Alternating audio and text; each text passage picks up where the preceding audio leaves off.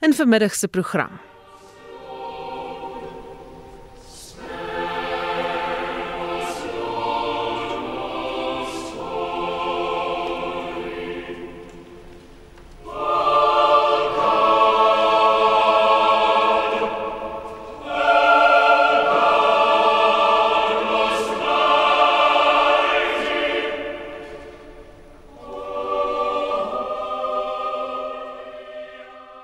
Spectrum, jou middagnuusprogram op RSG. Soos jy pas gehoor het, die jongste van die begrafnisdiens van koningin Elisabeth. when he handed her over to the Archbishop at her wedding. And yet he knew because she was so calm that everything would be all right. And that's how I feel today. We are feeling a sense of loss, but everything will be all right. Beerdkrag het 'n groot impak op besighede. Ons praat met 'n ekonoom en koue nat weer oor groot dele van die land. Welkom by Spectrum. Die span is redakteur Wessel Pretorius, produksieregisseur Johan Pieterse en ek is Susan Paxton.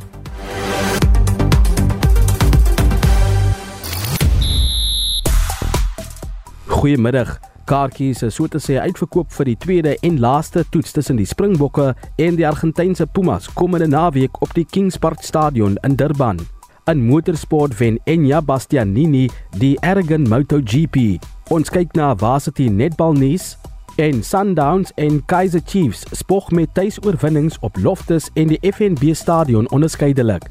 Ek het meer hieroor met die volledige bulletin wat bietjie later volg. Dis Christo Gawie vir RSG Sport. En op Twitter, die hitsmerk Eskom is heel bo aan die lys van onderwerpe waaroor Suid-Afrikaners gesels en hulle ervarings met fase 6 beerdkrag deel. Queen's Funeral is ook 'n gewilde hitsmerk soos wat koninklike aanhangers die begrafnis volg. En Suid-Afrikaners het die afgelope week met skok en afgrys gekyk hoe beerdkrag van vlak 2 na 4 na 5 en uiteindelik vlak 6 verhoog word. Nou word daar radikale optrede geëis. President Ramaphosa keer na koningin Elisabeth se begrafnis terug huis toe. Die bestuurshoof Andre de Ruyter en die raad se afdanking word uit sekere oorde geëis en daar is pleidooi dat landsburgers na Eskom se hoofkwartier in Megawatt Park moet oprit of eerder opruk. Wat dink jy? Deel jou mening deur 'n SMS te stuur na 45889 teen R1.50 per boodskap of praat saam op die Monitor en Spectrum Facebookblad. So 8 minute oor 12 hoofnuus vandag natuurlik die begrafnisdiens van koningin Elisabeth. Nou uh, sy het glo reg gesê dat sy nie 'n lang vervelige begrafnisdiens wil hê nie. Die liedjie The Lord is my shepherd sal onder meer speel wat ook op haar en prins Philip se troue gehoor is en Annelien Moses hou die begrafnis dop. Die jaar die koningin was deel van die planne vir haar begrafnis en dit is oor die dekades hersien. Een van haar wense was dat die begrafnisdiens by die Westminster Abbey plaasvind, want sy het 'n lang verhouding. Sy was 11 jaar oud toe haar pa hier gekroon is. Sy is hier getroud en haar kroningsplegtigheid het ook hier plaasgevind. Prinses Diana is in 1997 en ook die koninginmoeder in 2002 se dienste is ook hier gehou. Koningin Elizabeth se laaste besoek was tydens 'n danksegingsdiens vir haar geliefde prins Philip in Maart vanjaar. Nou een van uh, koningin Elisabeth se laaste take was om die nuwe eerste minister Liz Truss aan te stel. Ja, sy is kort na die ontmoeting oorlede by die Balmoral landgoed in Skotland. Goed, ons gaan deurlopend in die program oorskakel na die kerkdiens toe en dan kan jy hoor wat daar gebeur soos uh, vra vir Johan om gou-gou vir ons daardie uh, klank aan te sit. The Father of our Lord Jesus Christ, who is the resurrection and the life, in whom whosoever believeth shall live though he die, and whosoever liveth and believeth in him shall not die eternally. Who has taught us by his holy apostle St. Paul not to be sorry as men without hope for them that sleep in him. We meekly beseech Goed, so die diens daar begin van uh, koningin Elisabeth II se begrafnis en ons sal deurlopend deur die program gaan ons dit dop hou. Ons gaan oorskakel soontoe en Annelien Moses sit hier reg langs my gereed om vir ons te berig oor die jongste wat daar gebeur. Intussen in randterme verkeer die Suid-Afrikaanse ekonomie op 2018 ekonomiese groei vlakke. Dit dui op groot strukturele probleme wat ons ekonomiese groei belemmer en die grootste van die probleme is sekerlik Eskom en beerdkrag. Ons praat nou met 'n ekonoom en professor by die Wits Besigheidsskool Jannie Rousseau. Goeiemôre Jannie. Goeiemôre Susanne, goeiemôre aan die luisteraars. Moet ons versigtig wees oor hoe ons die ekonomiese impak interpreteer in vergelyking met die BBP syfers van beerdkrag? Ja, Susanne, daar word baie berekeninge gedoen oor die impak van beerdkrag op omset van besighede. Ons kan nie die omset van besighede met BBP syfers vergelyk nie. BBP syfers is toegevoegde waarde syfers, nie omset syfers nie. So natuurlik het beerdkrag 'n baie groot impak op die ekonomie, maar daar's meer berekeninge nodig om die impak op die BBP te bepaal as wat ons tans inligting tot ons beskikking het. Op 'n praktiese of fisiese vlak hoor ek al meer van mense wat sê ek kan nie my werk doen nie. Ek sit rond vir ure aan een want daar is nie krag nie. Landbousektore wat nie kan uitbrei nie want Eskom het nie kapitaal om infrastruktuurontwikkeling te doen nie. Hoe bereken mens hierdie impak? Wel, uh, die impak is natuurlik dramaties groot. Mense sien dit in die feit dat die ekonomie nie groei nie. So jy kan die geleentheidskoste hiervan uitwerk. As ons ekonomie oor die laaste dekade met 4% per jaar kon groei, sou ons ekonomie nou 20% groter gewees het. BBP per capita sou 20% groter gewees het en die uh werkloosheidsvlak sou 'n derde minder gewees het. So mense kan die geleentheidskoste hiervan uitwerk, maar jy kan nie die werklike koste uitwerk. Hmm. Waarop moet die regering nou fokus om hierdie saak te beredder? Wel, ons hoor nou meneer Ramaphosa kom dringend terug uit die Verenigde Koninkryk na die begrafnis waarna hy pas verwys het. Ek weet regtig nie wat hy gaan kom sê nie. Na my mening moet Eskom die publiek oortuig dat die organisasie Eskom sekere uh sal ek maar sê probleme van die regering se kant in die gesig staar dat die Eskom omgewing deur die regering oorgereguleer is. So Eskom moet die publiek aan sy kant kry op dieselfde manier manier as wat meer kieswetter besig is om te doen by die uh, inkomste diens. Eskom kan daar gaan leer. En na my mening wat Eskom dringend moet doen is om al hulle kontrakte te publiseer sodat die publiek kan verstaan wat by Eskom aangaan, sodat die publiek 'n beter insig kan hê oor watter beperkings Eskom wel in die gesig staar omdat die regering die elektrisiteitsomgewing oorgereguleer het.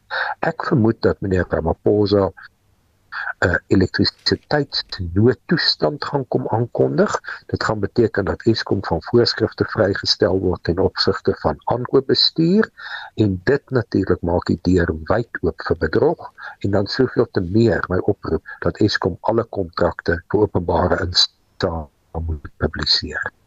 Baie dankie. Dit was ekonom en professor by die Wits Besigheidsskool Janie Resou.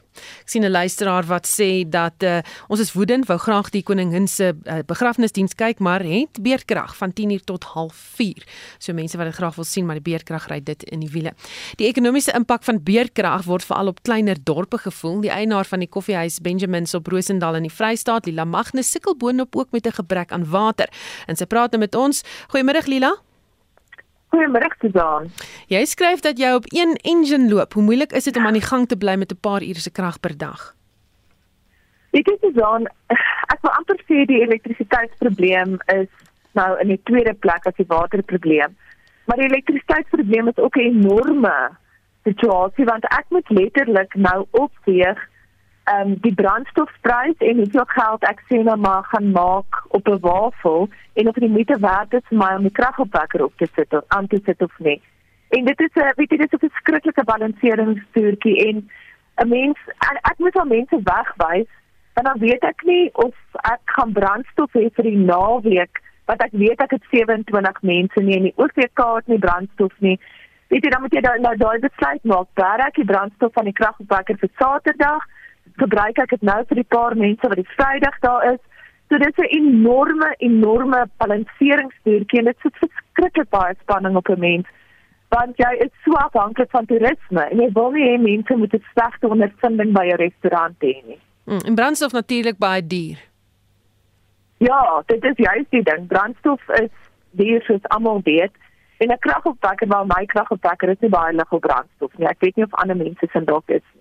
En dan moet jy nou bepaal weet wat werk en wat werk nie, maar omdat ons nou fase 6 beerdkrag het, ons kry ons water van Bethlehem af, dan word dit gepomp Paul toe en dan van Paul Roux af kom dit Roosendaal toe. En as daar beerdkrag is, dan word die water nie gepomp nie. Ehm um, en die dorp is redelik goed ingerig. Meeste huise het JoJo tanks. Maar my JoJo loop van reënwater af. En hulle is omtrent nou al leeg. So nou sit ek sonder elektrisiteit en sonder water. En dit is hoe ek sê eh, Benjamin loop nou op een engine. Ek ehm um, weet dit raak nou regtig 'n bietjie van 'n moeilike situasie. Hoe lank kan jy 'n eetplek bedryf of 'n besigheid bedryf met al hierdie probleme wat jy so gelyktydig tref? Wel, ek doen dit nou al vir die afgelope ek sou sê seker omtrent al 'n week wat ons sukkel met water.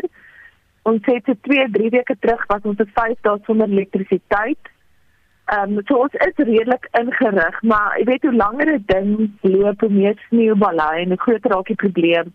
Dis my JoJo's is letterlik nou omtrent amper leeg en as ek nie water het nie, kan ek sê dan moet ek die restaurant toe maak. Ehm um, en die watertankers lyk like my kom ook nie deur nie. Ek het nou vandag het ek 'n 'n boodskap gestuur. Hoopelik sal hulle binnekort kom, maar dit dit is daai ding van as jy nie ek kan nog half sonder elektrisiteit regkom omdat ek die krag op ek red. Dit kos my nie baie geld maar sonder water jy, jy kan nie jy kan nie jy kan nie. Spoel jy toilet hoe was jy dit skorrel goed hoe maak jy koffie? Ehm um, dit is dit net onmoontlik Hm. Baie dankie. Dit was Lila Magnus, die eienaar van Benjamins in Rosendal wat van haar ervaring vertel uh, in terme van die beerdkrag impak. Nou Eskom het uiteindelik Vrydag aangekondig dat hy voormalige werknemers en ander tegnisië, bestuurders en ingenieurs gaan aanstel. Die vakbond Solidariteit het reeds vir 'n tweede keer 'n lys van kundiges en voormalige Eskom werknemers aan die kragrees oorhandig. Ons praat nou met Solidariteit se kommunikasiehoof Morney Miller. Goeiemôre Morney. Uh, Goeiemôre Susan. Hoekom het Solidariteit besluit om so 'n lys van kundiges saam te stel?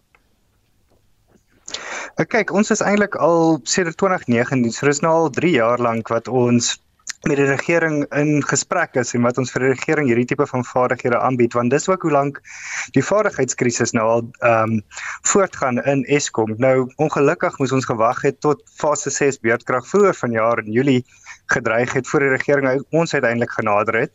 Nou ongelukkig moet ons weer eens wag tot fase 6 dreig voordat daar weer weer planne beraam word. Nou ons het al in Julie hierdie lys aangestuur. Die lys het bevat omtrent 300 van die land se voorste kenners Nou van daai 300 het Eskom nou bevestig dat slegs 18 is tot dusver aangestel en hulle het ook duidelik gemaak dat daar is nog 100 poste by verskillende aanlegte wat gevul moet word.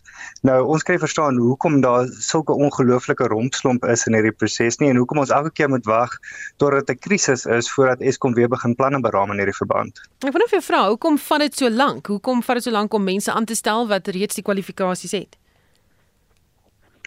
Ja, nee, dit is ook op die oomblik ons groot frustrasie. Dit is 'n tekort aan dringendheid, dit is 'n tekort aan politieke wil.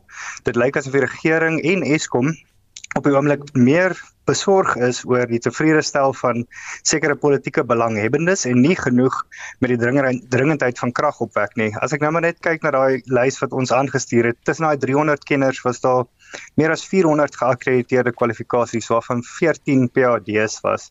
Was meer as 5500 jaar se ervaring tussen die kenners op daai lys gewees en tog sit ons nog steeds in 'n posisie waar Eskom eh, as gevolg van gewoon net rompslomp as gevolg van gewone tekort aan dringendheid nog steeds nie voort gaan met hierdie aanstellings nie. Gegee hoe oud die toerusting is en in watter toestand hierdie kragstasies is, sal selfs hierdie kenners 'n verskil kan maak. Uh, kyk, op die oomblik het ons nie ons is nie regtig in 'n posisie waar ons kan kies vir een of die ander nie. Uh op die oomblik is dit van kritiese belang dat ons Eskom stabiliseer. Daarvoor het ons die nodige kundigheid en die nodige ervaring nodig uh op die oomblik is aan alle aanduidings en die gesprekke wat ons ook al met van die top experts in die land gehad het dat dit inderdaad net 'n probleem van bestuur en inderdaad 'n probleem van algemene projekhantering uh en daai tipe ervaring dit is op die oomblik die groot knelpunt by Eskom. Baie dankie dit was solidariteit se kommunikasiehoof Morney Miller. In ander nuus, die vragmotorbestuurder wat betrokke was by 'n botsing op die N2 in Pongala waar 19 kinders Vrydag dood is, het vanoggend vlugtig in die landdroshof daar verskyn. Sibusiso Siyaya staan tereg op 21 aanklagte van strafbare manslag. Die saak is uitgestel tot 26 September vir 'n borgtog aansoek en die staat het aangedui dat hy borgtog gaan teenstaan. Die families van die kinders eis nou geregtigheid en Mitsi van der Merwe het meer besonderhede. Dit is soos 'n gruwelrolprent. So beskryf die ouers die ongeluk waarin 19 kinders en 2 volwassenes dood is. Onder die kinders was die 10-jarige Bandile Nyau wat 'n mediese dokter wou word. Nyau se familie is baie hartseer. Sy pa, Ntukosu Nyau, sê die reg moet sy gang gaan. This was a very sad thing that I've never seen it in my life. A lot of kids lying along the road. And on this matter, I don't know what will happen to the driver because he ran away yesterday. But we leave it all to the policemen to find out what they can do to him. And we have got a problem of the trucks here on this N2. Since this thing of the disaster in Durban, we have got a lot of trucks and they are making accidents only each and every day on our road here in Pongola. Die gemeenskap is kwaad. Hulle wil vragmotors van die N2 verban en voer aan dat die vragmotorbestuurders onverskillig is. Die inwoners het die pad afgesper. Die Upongola munisipaliteit het ondersteuning aan die familie beloof. Die adjunk burgemeester Bile Twala het met die betrokke families vergader. Yesterday we arrived at the scene, the deceased children. We took them to the various mortuaries, others Nongoma, others here in Pongola. But we promised the families that we are going to check the whole deceased loved ones to Ishowe for the biggest place so that all the families can be taken from here in Pongola help with us as municipality together with other stakeholders to identify them. Die vragmotorbestuurder sal binnekort in die hof verskyn. Intussen het die departement van vervoer sy meegevoel met die families uitgespreek. Tumelum Toko het hierdie verslag saamgestel. Mitsi van der Merwe, SAK nuus. Goed, die Britse eerste minister Liz Truss praat nou by die begrafnis van koningin Elisabeth. Kom ons luister. From henceforth Ye know him and have seen him. Philip saith unto him, Lord, show us the Father, and it sufficeth us. Jesus saith unto him, Have I been so long time with you, and yet hast thou not known me, Philip? He that hath seen me hath seen the Father. Thanks be to God.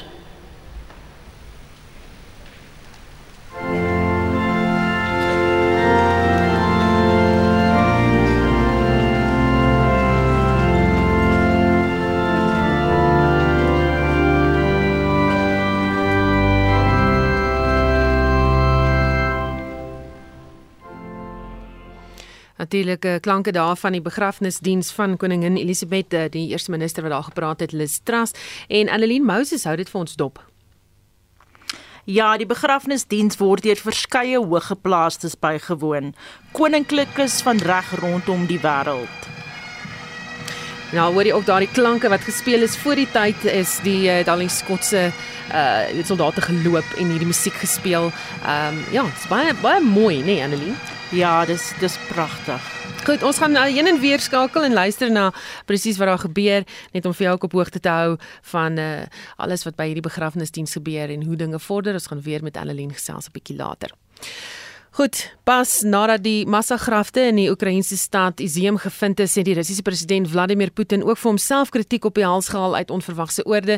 Die Chinese president Xi Jinping het Putin gewaarsku oor sy oorlog en die eerste minister van Indië, Narendra Modi, het aan Putin gesê dit is nie nou 'n era vir oorlog nie. Op dag 205 van die inval deur Rusland en uh, Oekraïne sê die politieke ontleder van Universiteit Pretoria, Roland Henwood, en die voorsitter van die Solidariteit Beweging Flip Buys, dat 'n kernoorlog 'n al groter moontlikheid word. Dit is onverwags in die konteks van wat besig was om die afgelope tyd te gebeur. Ons het vir die afgelope weke bietjie langer eintlik amper 'n skaakmat situasie begin kry waar nie een van die twee kante wesenlik vordering maak in die militêre offensief nie. En dit lyk asof op die stadium as 'n mens kyk wat gebeur het asof die Oekraïne met goeie ondersteuning, baie goeie intelligensie, waarskynlik van Brittanje en die VSA en dan natuurlik tegnologie, wapentuig wat hulle nie voorheen gehad het nie. Of hulle in 'n posisie geplaas is om 'n offensief te beplan maar dan ook 'n klassieke misleidingsstrategie te volg. Die Russe het gedink daar gaan in die suide 'n teenoffensief kom. Hulle het gediversifiseer en hulle of hulle herposisioneer om dit te keer en toe kom die ehm um, teenoffensief in die noordooste en hy beweeg baie vinnig.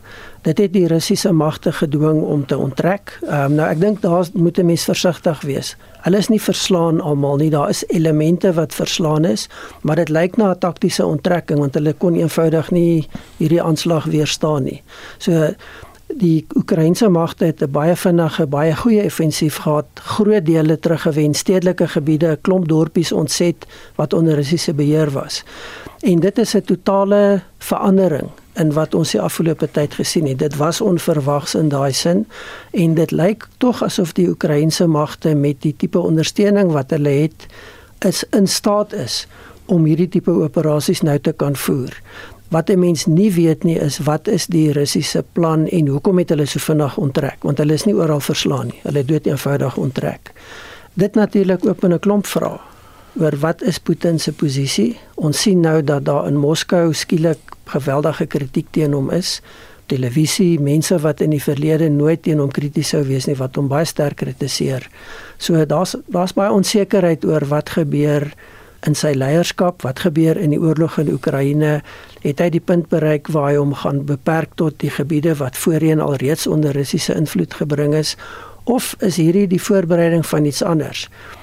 En een van die kwessies wat voortdurend ter sprake kom ook as gevolg van wat uh, minister van buitelandse sake Lavrov gesê is gaan Putin taktiese kernwapens gebruik. Kan hy want almal sê hy kan nie bekostig om hierdie oorlog te verloor nie. So so dit skep baie onsekerheid meer as wat dit eintlik sekerheid bring dat die oorlog in 'n bepaalde rigting gaan. Flip jou gedagtes oor Putin se optrede, wat sal sy volgende stap wees hier? Wel, uh, ek is baie bekommerd oor die moontlikheid van die gebruik van taktiese kernwapens. Let wel nie strategiese interkontinentale missiele nie, maar noem dit maar slagveld kernwapens. En die navorsing wys dat dit word baie keer in drie gevalle uh, kan dit gebruik word. Die eerste geval is wanneer in hierdie geval as die Russe voel dat hulle verloor. Die tweede een is dat as hulle voel hulle wil vinnig wen. En natuurlik dit kan uh, weet dit aan die ander kant toe ook wees na die weste toe. En die, maar die derde kan 'n ongeluk wees. Jy weet, dit kan wees sê net maar dat die uh, Oekraïners 'n uh, Russiese dorp of stad aanval met die idee om 'n gewellige teenreaksie uit te lok om dan NAVO want hulle wil NAVO intrek. Nou die weste is reeds volledig deel NAVO, volledig deel van die oorlog alhoewel nie op die slagveld deel is nie. Maar meneer Putin het reeds gesê dat die sanksies, die verskaffing van wapentuig, die hulp met intelligensie en so aan is eintlik 'n oorlogsverklaring. Die Duitsers sê en nou 3 uh, raffinaderye in Duitsland wat aan die Russe behoort het hulle uh, oorgevat. Ek weet nie of mens moet sê nasionaliseer nie. En is baie interessant dat uh, Der Spiegel wat 'n baie geloofwaardige Duitse publikasie is, baie bekommerd daaroor is. En hulle uh, daar's geweldig baie ekonomiese probleme. Die Duitsers se uh, inflasiekoers het van laer as 1% toegeneem tot 8%. Daar's baie maatskappye wat nou bankrot speel, staalfabrieke Der Spiegel waarsku selfs oor die de-industrialisering van Duitsland. Nou Duitsland is is per se 'n nywerheidsland. So uh mense is baie bekommerd oor die gevaar van 'n van 'n kernoorlog wat die grootste is sedert 1962, dis die Kubaanse missielkrisis. Maar wat my die meeste bekommer is dat die weste vir die eerste keer in in miskien in eeue uh die globale magsbalans teen die weste begin draai. China en India het wel kommer uitgespreek teenoor meneer Putin want hulle is uh, bekommerd oor die gevolge vir die ekonomie, natuurlik oor oor wêreldveiligheid, maar hulle het nie die weste ondersteun nie. Hulle koop op 'n groot skaal uh, Russiese hulpbronne nog en so die wêreld is wat dit betref op 'n mespunt en mens hoop dat die alternatief maak dat almal nou absoluut druk vir 'n behoorlike skikking en nie net vir die voortsetting van oorlog nie.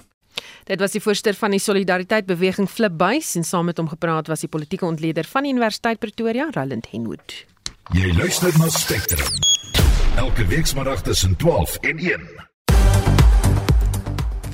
Nog in die program die jongste van die staatsbegrafnisdiens van koningin Elisabeth beerdkrag het 'n reuse impak op die land se ekonomie en koue nat weer oor groot dele van die land. Ons praat met 'n voorspeller, bly ingeskakel.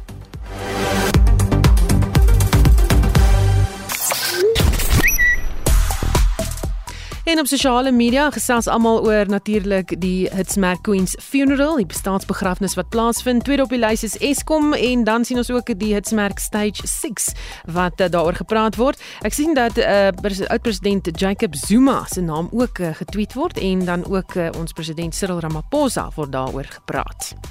Dan gesels ons hier ook oor beerdkrag. Klomp luisteraars wat sê nee, die ryter probeer sy bes om 'n Eskom wat van 1993 geplunder is, uh te probeer regkry druk. Dieselfde geld vir alle staatsinstellings, munisipaliteite. Nou wie is in beheer? HHH sê die persoon. En nog iemand wat sê dat uh, in Bloemhof, Noordwes, word ook daagliks probleme sonder water ondervind. As die krag af is, word die pompe afgeskakel. Verder word die watervoorsiening ook daagliks toegedraai weens pype wat bars en lek. En nog iemand wat sê asseblief moenie vir die ryter en sy raad afdank nie. Hy is nie 'n wonderwerker nie en het reg gekry wat niemand anders kon nie. As die ANC weer by Eskom intree, sit ons binnekort sonder enige krag. President Ramaphosa moet nou nou ophou woorde gebruik en begin om iets te doen soos opgeleide mense aan te stel. Um, Skies tog wat 'n ryter kan help. Dit is uh, Nelly Vetter by Eskom uh, wat, wat vir ons gesê het of eerder met ons gepraat het hier oor. Baie dankie vir daai lang lang boodskap. Die skerm net so op en af uh, gaan so mense kan nie heeltemal lees wat aangaan nie. Nog iemand wat sê wat beerdkrag betref, daar is nie eintlik 'n 'n dag wat ek in verskeie dele van Johannesburg ry en straatligte sien wat bedags aan is nie. Sommige 24 uur van die dag en soms vir weke aan een City Power moet hulle beslis ook reg wegryk nie net Eskom nie. Is Christo Gawie met die jongste sportnuus. Goeiemiddag. Kaartjies is so te sê uitverkoop vir die tweede en laaste toets tussen die Springbokke en die Argentynse Pumas komende naweek op die Kings Park Stadion in Durban.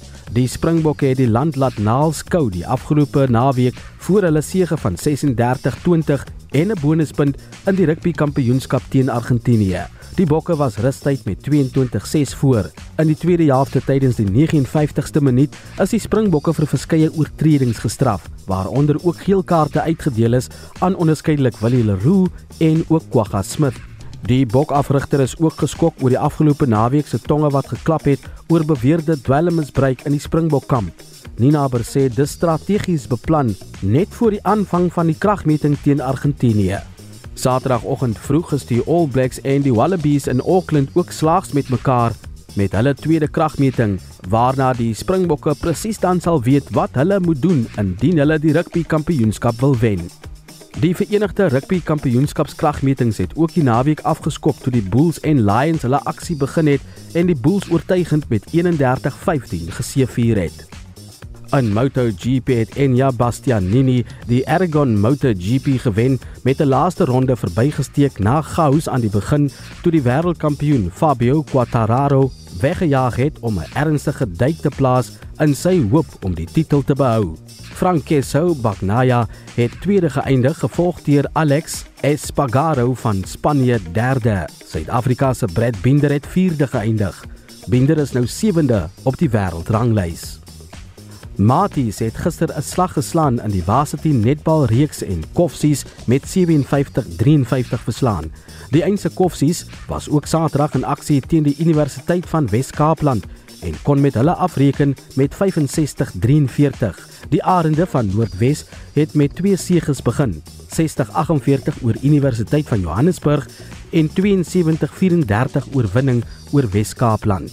Die naweek was 'n lekker voorsmaakie van wat vanaand wag wanneer Maties en Tuks mekaar pak. Die aksie begin reeds om 1uur vanmiddag.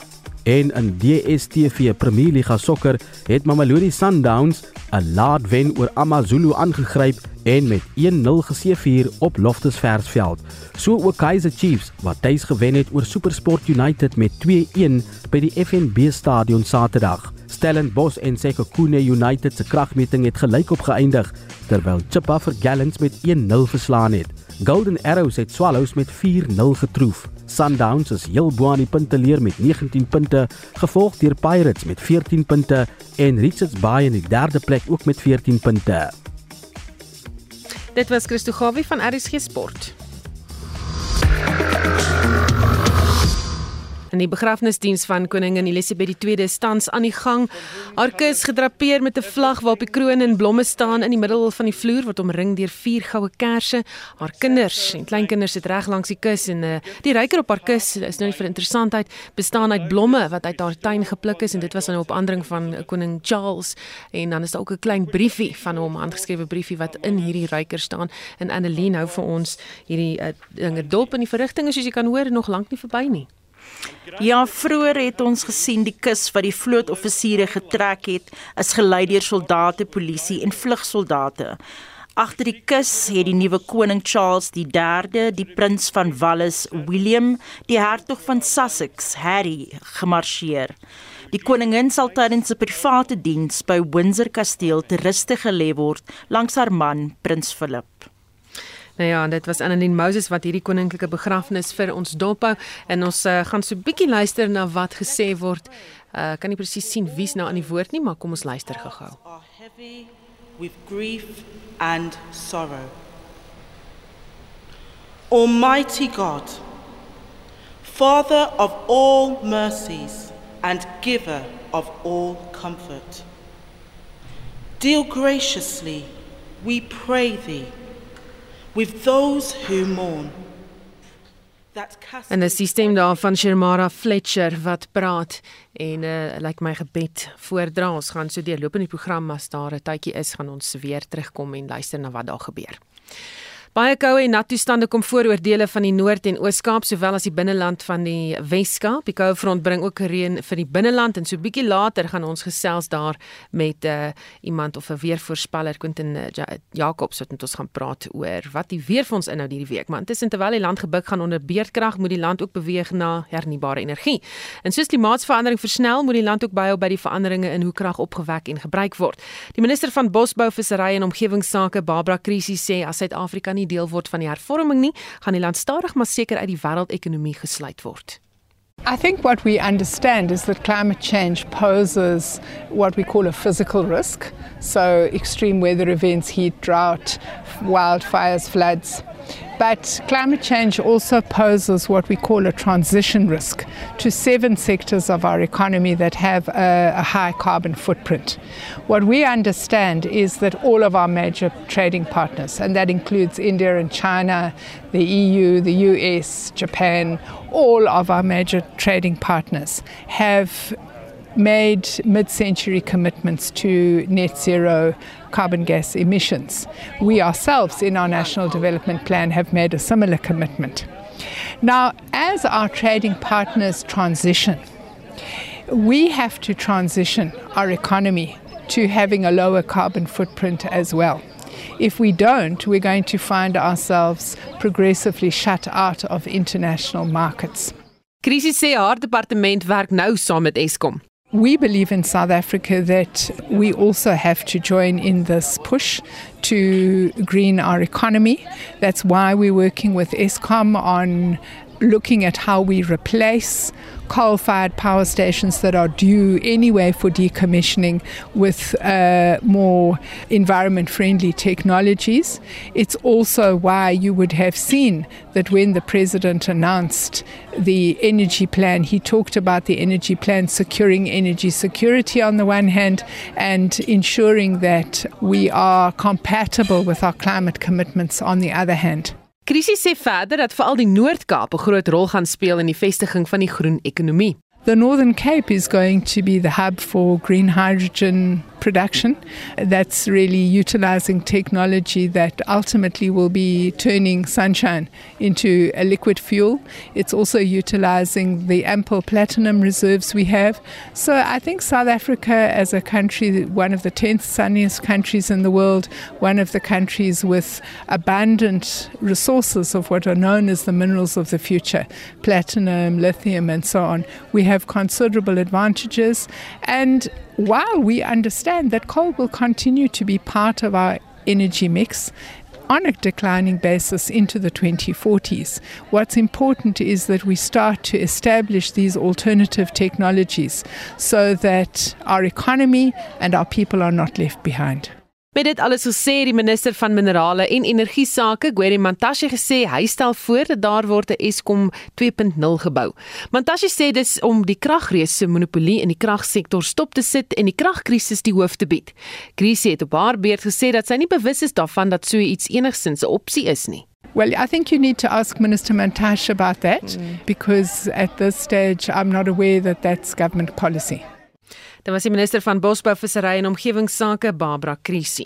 Soos ek gesê het, baie koue en nat toestande kom voor oor dele van die Noord- en Oos-Kaap, sowel as die binneland van die Wes-Kaap. Ons praat met die weerkundige Quentin eh, Jacobs van die Suid-Afrikaanse Weerdienste in Bloemfontein. Goeiemôre Quentin. Goeiemôre. Wat hou die koue front temperatuur gewys vir die land in vir die week wat voorlê? Dan sal ek my môre as die dag wat dit regtig regtig koud gaan wees. Dit gaan koud wees in meeste dele van die van die Weskaap en in die in in KwaZulu-Natal en in die suidelike dele van die Vrystaat met temperature wat gaan val en baie koud basies oor die oor die Drakensberge gebiede. Kyk na temperature van so 8 en 9 in daai gebiede en dan lyk dit my van Woensdag af gaan dinge begin weer stadig weer herstel. Hm. Verskeie waarskuwings is uitgereik wat reën en selfs sneeu neerslae betref. Wat verwag julle?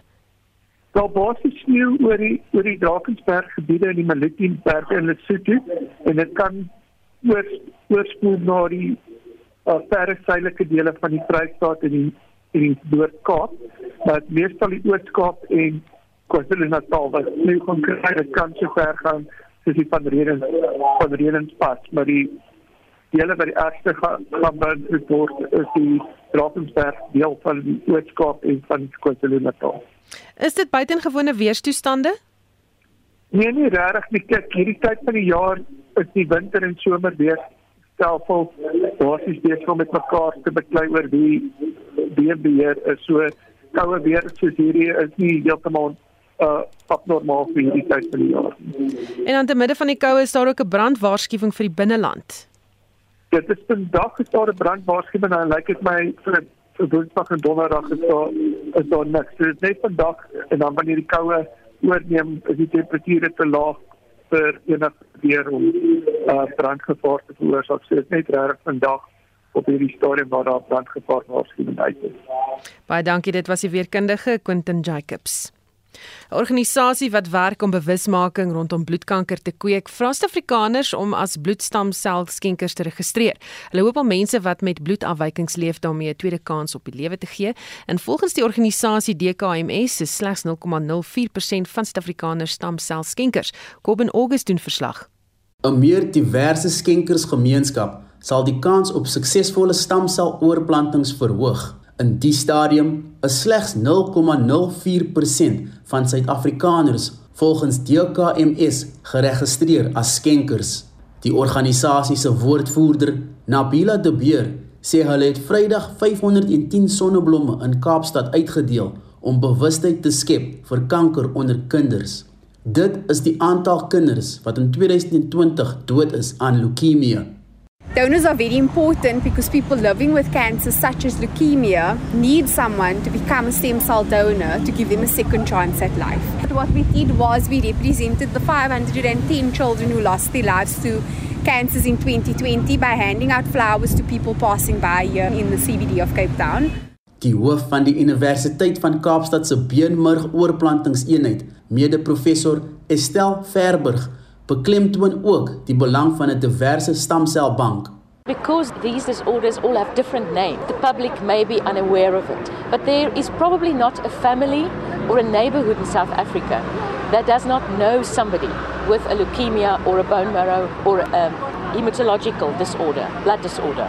We should be mobilizing so that our communities have representative bone marrow donors that can give stem cells should the need arise for the others in our community. Die Sonneblom Fonds is ook nou deel van die DKMS skenkingsnetwerk. Ek is Kobben August in Kaapstad.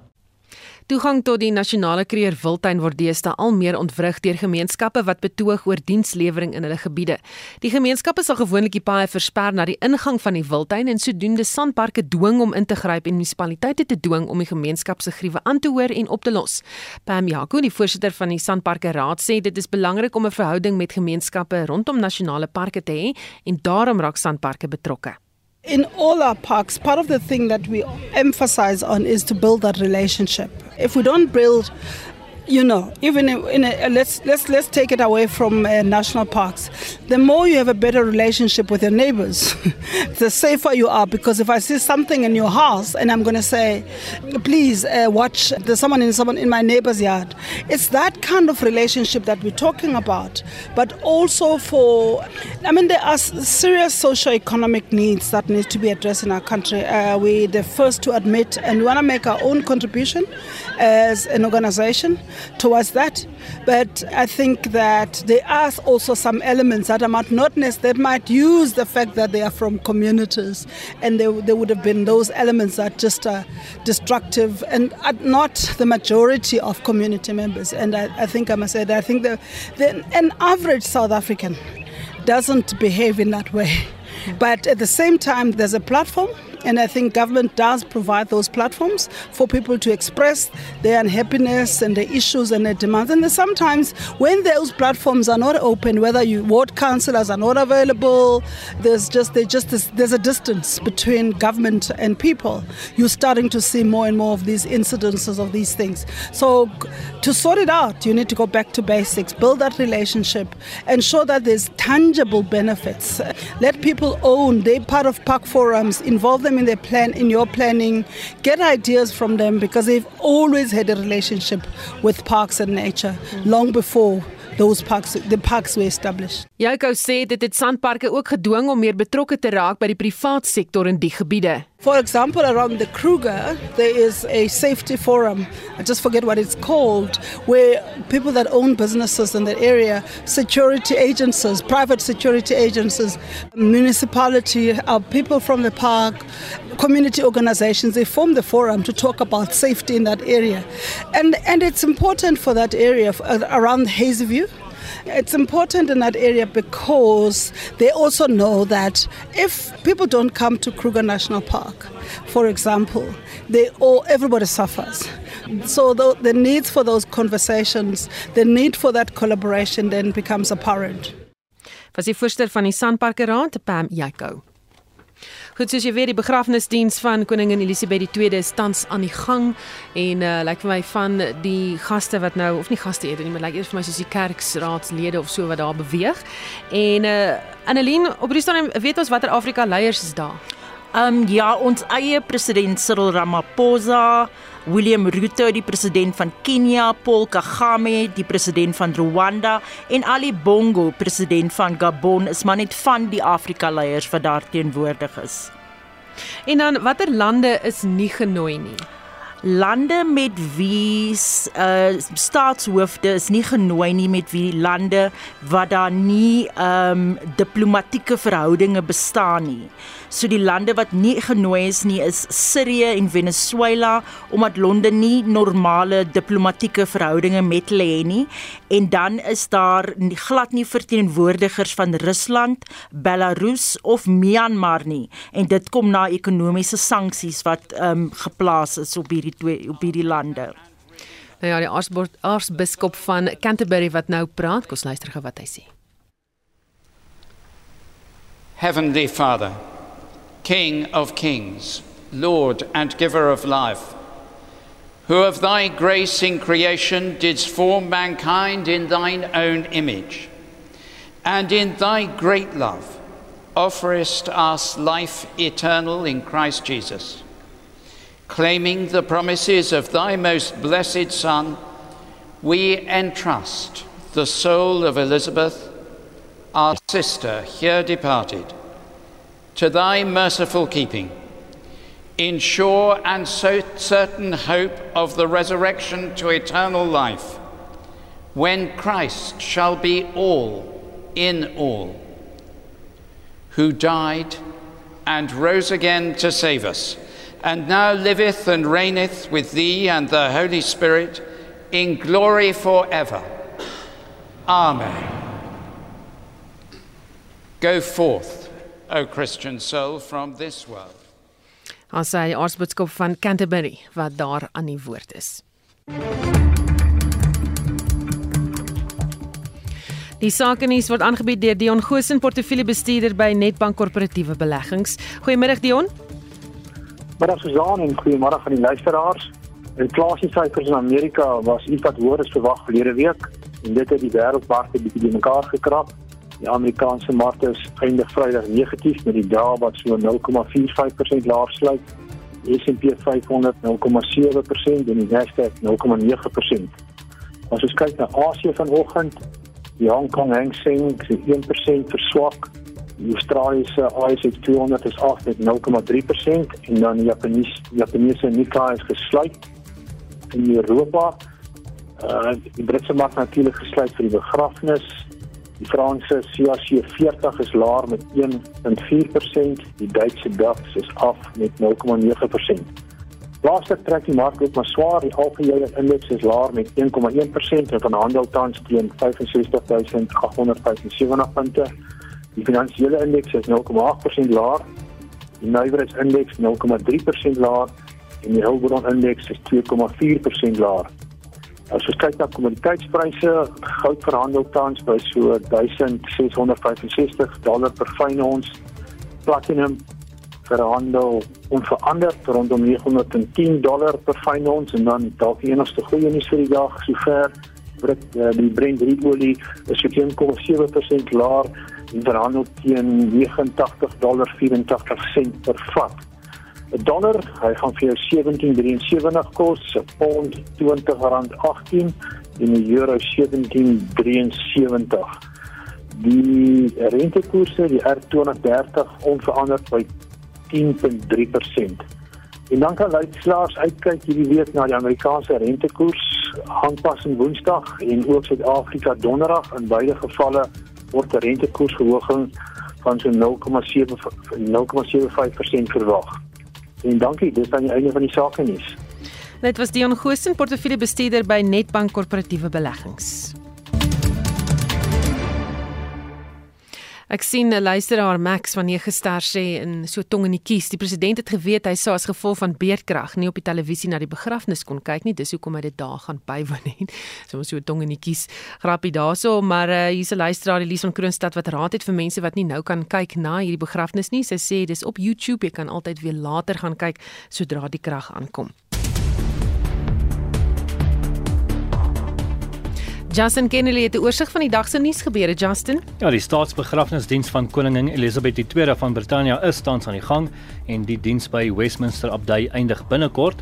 Daarna sal die stoet beweeg na die Windsor Kasteel Wes van Londen vir 'n private diens by die St George Kapel en terloops uh, Susan die Heathrow lughawe gaan alle vliegtuigbewegings insluitend vliegtye wat inkom te land uh stop vir 2 minute se stilte aan die einde van die diens. Hulle soek blykbaar geen geraas as die stoet daar aan die pad af beweeg nie. En die Suid-Afrikaanse ekonomie uh verkeer tans op 2018 se ekonomiese groei vlakke gedeeltelik weens beerdkrag. Nou volgens 'n ekonom en professor by die Wits Besigheidsskool Janie Rousseau dui dit op groot strukturele probleme wat ons ekonomiese groei belemmer as ons ekonomie oor die laaste dekade met 4% per jaar kon groei, sou ons ekonomie nou 20% groter gewees het. So mens kan die geleentheidskoste hiervan uitwerk, maar jy kan nie die werklike koste uitwerk. Intussen sê Eskom dat fase 6 beurtkrag vir tyd en wyl sal geld. Nou president Cyril Ramaphosa keer binnekort terug na Suid-Afrika na koningin Elizabeth se staatsbegrafnis om die krisis te bestuur. En talle mense wonder watter doel sy terugkeer sal dien. Die dekaan Geesteswetenskappe by Akademia, professor Pieter Dievenage, meen dis die regte stap. Dit is goed so of president Ramaphosa daarin gaan slaag saam met ander regeringsspanne om die krisis rondom Eskom op te los is 'n ander vraag.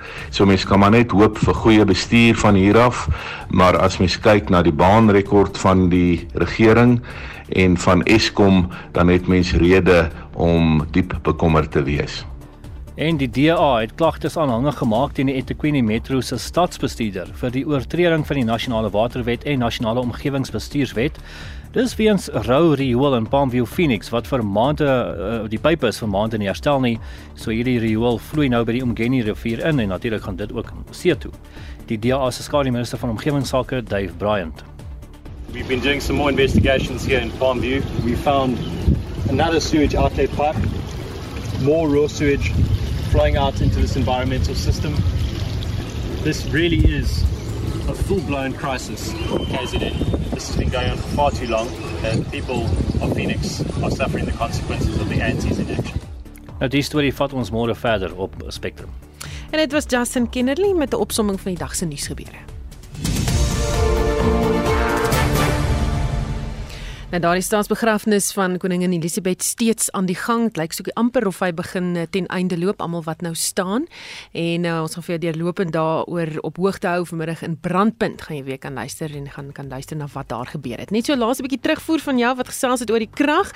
Iemand wat sê dat uh hoekom? Net een vraag. Hoekom spreek niemand die gebruikers van elektrisiteit aan wat nie betaal nie? Mense moet begin betaal. Is iemand se terugvoer daar. Goed, onthou vorige uitsendings van Monitor Spectrum brandpunt naweek aksie en kommentaar is op RC se webblad as 'n potgooi beskikbaar. Gaan net na www.co.za. Ons groet namens uitvoerende regisseur Nicoline de Wee, ons redakteur Wessel Pretorius en ons produksieregisseur Johan Pieterse. My naam is Susan Paxton. Geniet jou middag.